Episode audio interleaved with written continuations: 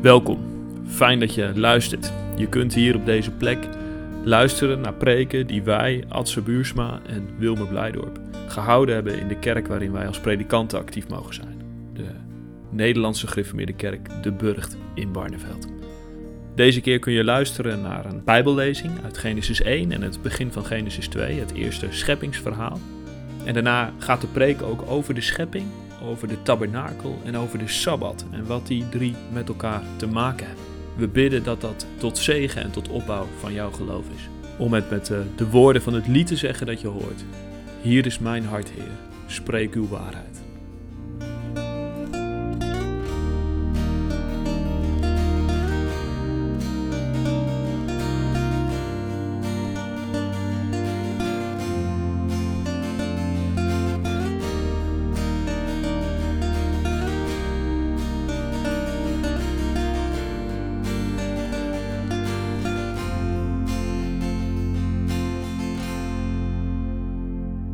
In het begin schiep God de hemel en de aarde.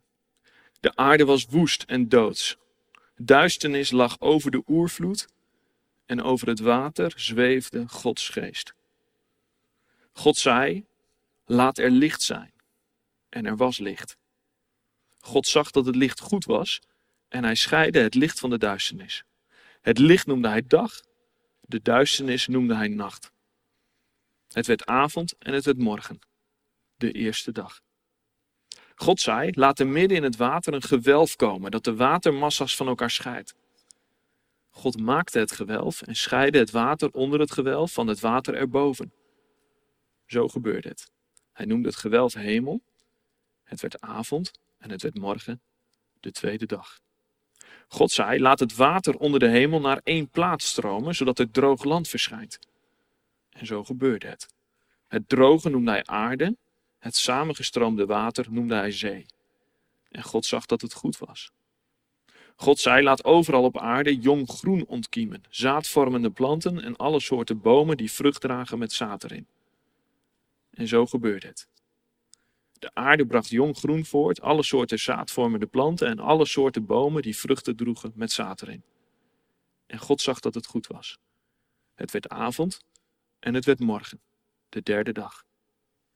God zei: Laat er licht aan het hemelgewelf komen om de dag te scheiden van de nacht. Ze moeten dienen als tekens die de feesten aangeven, en de dagen en de jaren. En ze moeten als lampen aan het hemelgewelf om licht te geven op de aarde. En zo gebeurde het. God maakte de twee grote lichten, het grootste om over de dag te heersen, het kleinere om over de nacht te heersen, en ook de sterren. Hij plaatste ze aan het hemelgewelf om licht te geven op aarde om te heersen over de dag en de nacht en om het licht te scheiden van de duisternis. En God zag dat het goed was. Het werd avond en het werd morgen, de vierde dag. God zei: Laat het water wemelen van levende wezens en laat er boven de aarde langs het hemelgewelf vogels vliegen.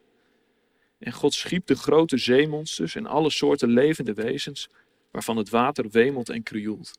En alle soorten vogels, alles wat vleugels heeft. En God zag dat het goed was. God zegende ze met de woorden: Wees vruchtbaar en word talrijk. En vul het water van de zee. En ook de vogels moeten talrijk worden, overal op aarde. Het werd avond en het werd morgen, de vijfde dag. God zei: Laat de aarde alle soorten levende wezens voortbrengen, alle soorten vee, kruipende dieren en wilde dieren. En zo gebeurde het. God maakte alle soorten in het wild levende dieren, alle soorten vee en alle soorten dieren die op de aardbodem rondkruipen. En God zag dat het goed was. God zei: Laten wij mensen maken die ons evenbeeld zijn, die op ons lijken. Zij moeten heersen over de vissen van de zee en de vogels van de hemel, over het vee, over de hele aarde en over alles wat daarop rondkruipt. God schiep de mens als zijn evenbeeld. Als evenbeeld van God, van God schiep hij hem. Mannelijk en vrouwelijk schiep hij de mensen. Hij zegende hen en zei tegen hen: Wees vruchtbaar en word talrijk. Bevolk de aarde en breng haar onder je gezag. Heers over de vissen van de zee, over de vogels van de hemel en over alle dieren die op de aarde rondkruipen. Ook zei God: Hierbij geef ik jullie alle zaaddragende planten en alle vruchtbomen op de aarde. Dat zal jullie voedsel zijn. aan de dieren die in het wild leven, aan de vogels van de hemel en aan de levende wezens die op de aarde rondkruipen, geef ik alle groene planten tot voedsel. En zo gebeurde het. God zag alles wat hij had gemaakt. Het was zeer goed. Het werd avond en het werd morgen, de zesde dag. Zo werden de hemel en de aarde in al hun rijkdom voltooid. Op de zevende dag had God zijn werk voltooid. Op de zevende dag rustte hij van het werk dat hij gedaan had. God zegende de zevende dag en heiligde die, want op die dag rustte hij van heel zijn scheppingswerk.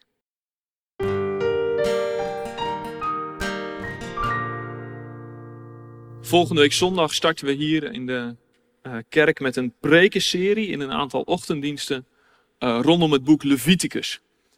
Adse en ik uh, gaan daar allebei mee aan de slag. En op de normale diensten zonder jeugddiensten en zo zal steeds een deel van het boek Leviticus centraal staan.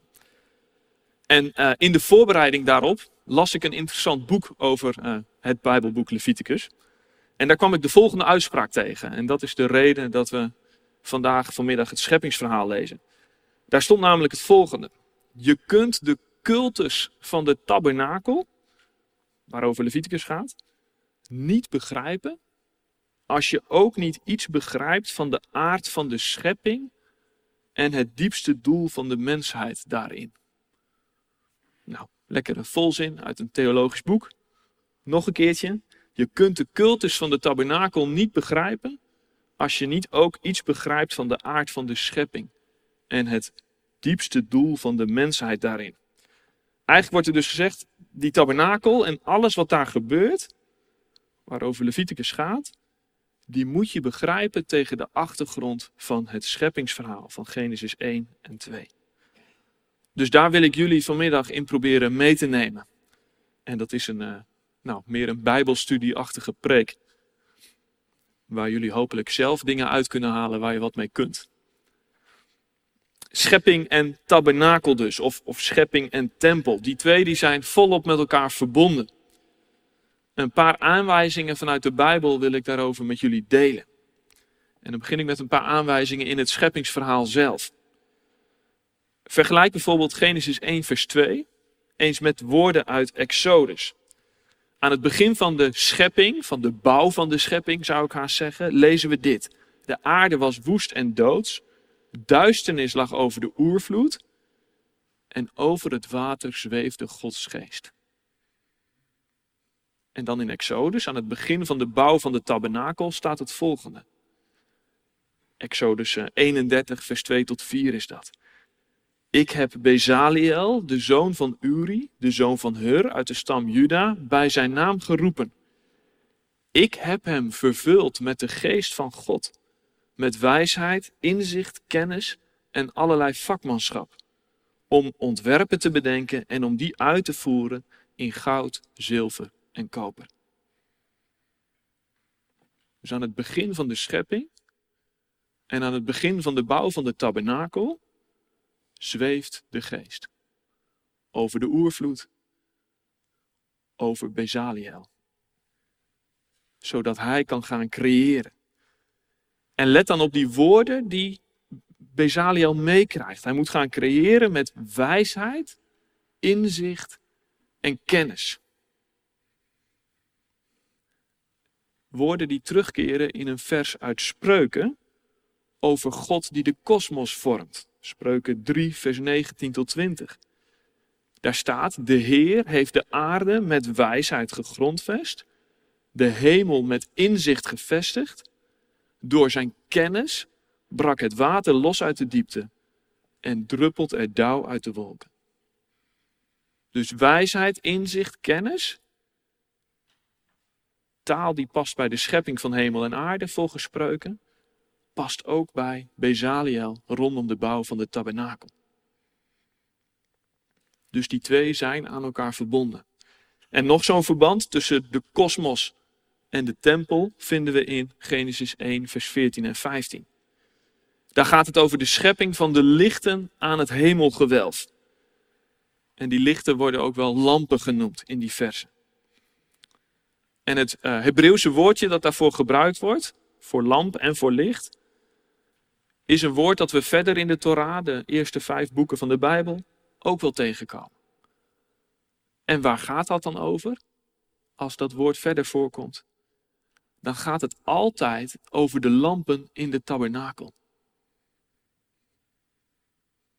En als je dan ziet wat die lampen aan de hemel moeten doen, die moeten onder andere de feesten aangeven.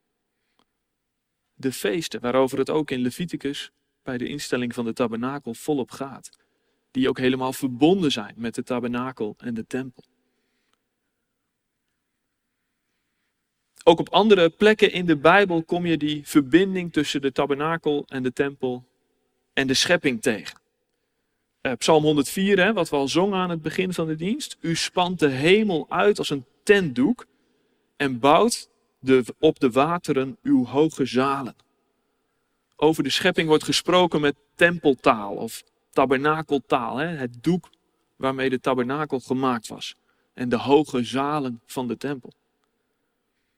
Of neem Jesaja 40, vers 22. Wordt gezegd over God, hij troont boven de schijf van de aarde. Haar bewoners zijn als sprinkhanen. Hij spreidt de hemel uit als een doek, spant hem uit als een tent om in te wonen. God woont in de kosmos, alsof hij in een tent woont. Denk aan de tabernakel, die tent van ontmoeting waar God woont die een kleine kosmos is. En denk ook aan de tempel zelf, die als die gemaakt wordt uh, door Salomo, van binnen allerlei elementen heeft die verwijzen naar de schepping.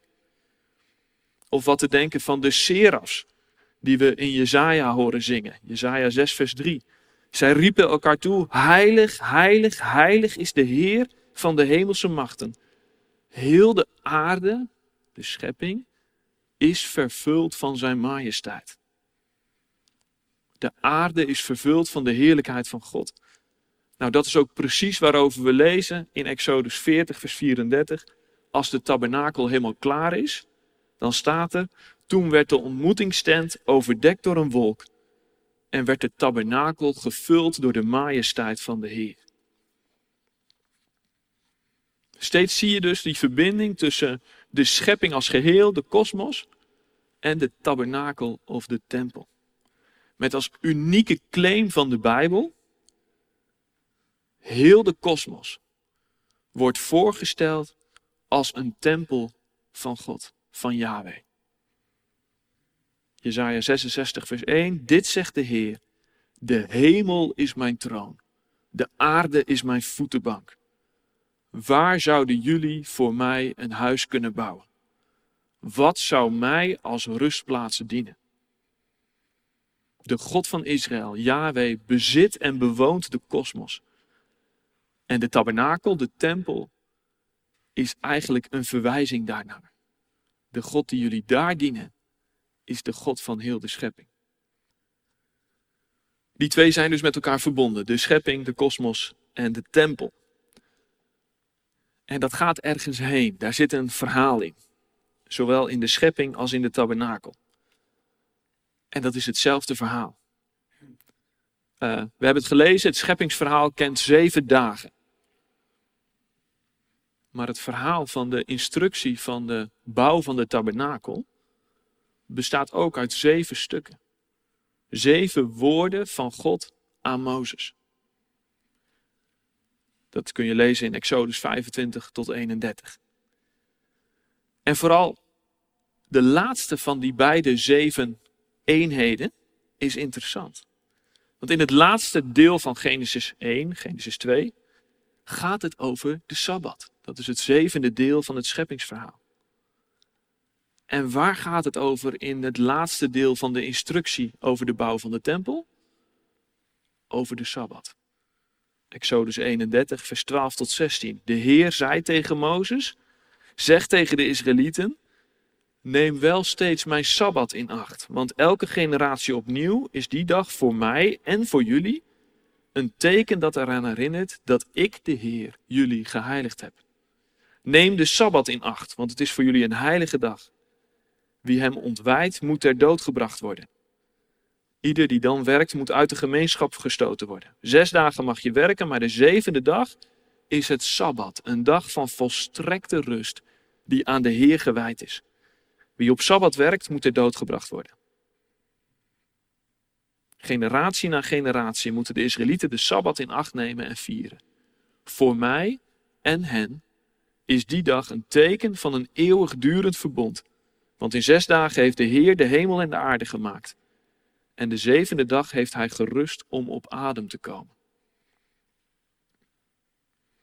Dus de bouw van de kosmos en de bouw van de tabernakel lopen allebei uit op de Sabbat. Want de schepping en de tabernakel zijn gemaakt met hetzelfde doel. En dat doel is leven met God in de rust van de Sabbat. Heel Genesis 1 werkt daar ook naartoe. Sommigen noemen die tekst, Genesis 1, zelfs een kosmische liturgie van de zevende dag. Alles komt daar tot zijn bestemming.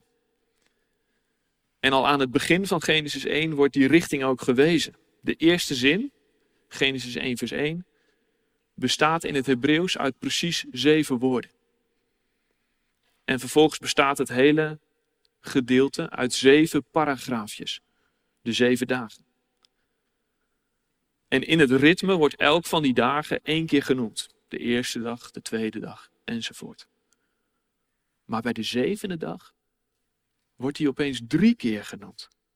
Op de zevende dag had God zijn werk voltooid. Op de zevende dag rustte hij van het werk dat hij gedaan had. God zegende de zevende dag en heiligde die. Want op die dag rustte hij van heel zijn scheppingswerk. Zeven, zeven, zeven. Alles is zeven in Genesis 1. Om maar te benadrukken, uh, cursief te maken, te onderstrepen. Deze, dit verhaal draait om deze zevende dag. Dit is de kroon op de schepping. Het is het allereerste dat door God geheiligd wordt. Hier draait het scheppingsverhaal. En daar komen wij ook in beeld, als mensen. Het scheppingsverhaal is geen uh, kille, natuurwetenschappelijke, klinische beschrijving van het ontstaan van de wereld. Zo moet je die tekst helemaal niet lezen. Dit verhaal is een beschrijving van wat het betekent om te bestaan, om mens te zijn. Om mens te zijn op de Sabbat. Want na alle hoogtepunten van de zesde dag, de mens geschapen naar Gods beeld, mannelijk en vrouwelijk, geroepen om de aarde te vervullen en rentmeesters te zijn, komt het echte hoogtepunt. De Sabbat. Dan gaat alles beginnen. Want wat betekent dat eigenlijk? Dat rusten van de zevende dag. Wat staat er als er staat dat God rust van zijn scheppingswerk? Is hij dan uh, lekker aan het bijkomen? Aan het chillen van de hectiek van het schepping, van het scheppingswerk? Nou, dat denk ik niet. Rust wil zeggen dat de orde gevestigd is. God heeft in zes dagen orde aangebracht in alles wat chaotisch en woest en doods was. En nu, de zevende dag, treedt hij binnen in die orde.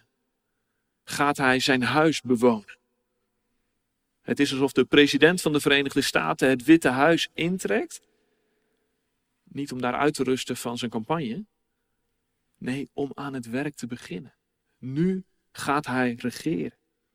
Vanuit die rust, vanuit zijn woonplaats, zal de Heer regeren.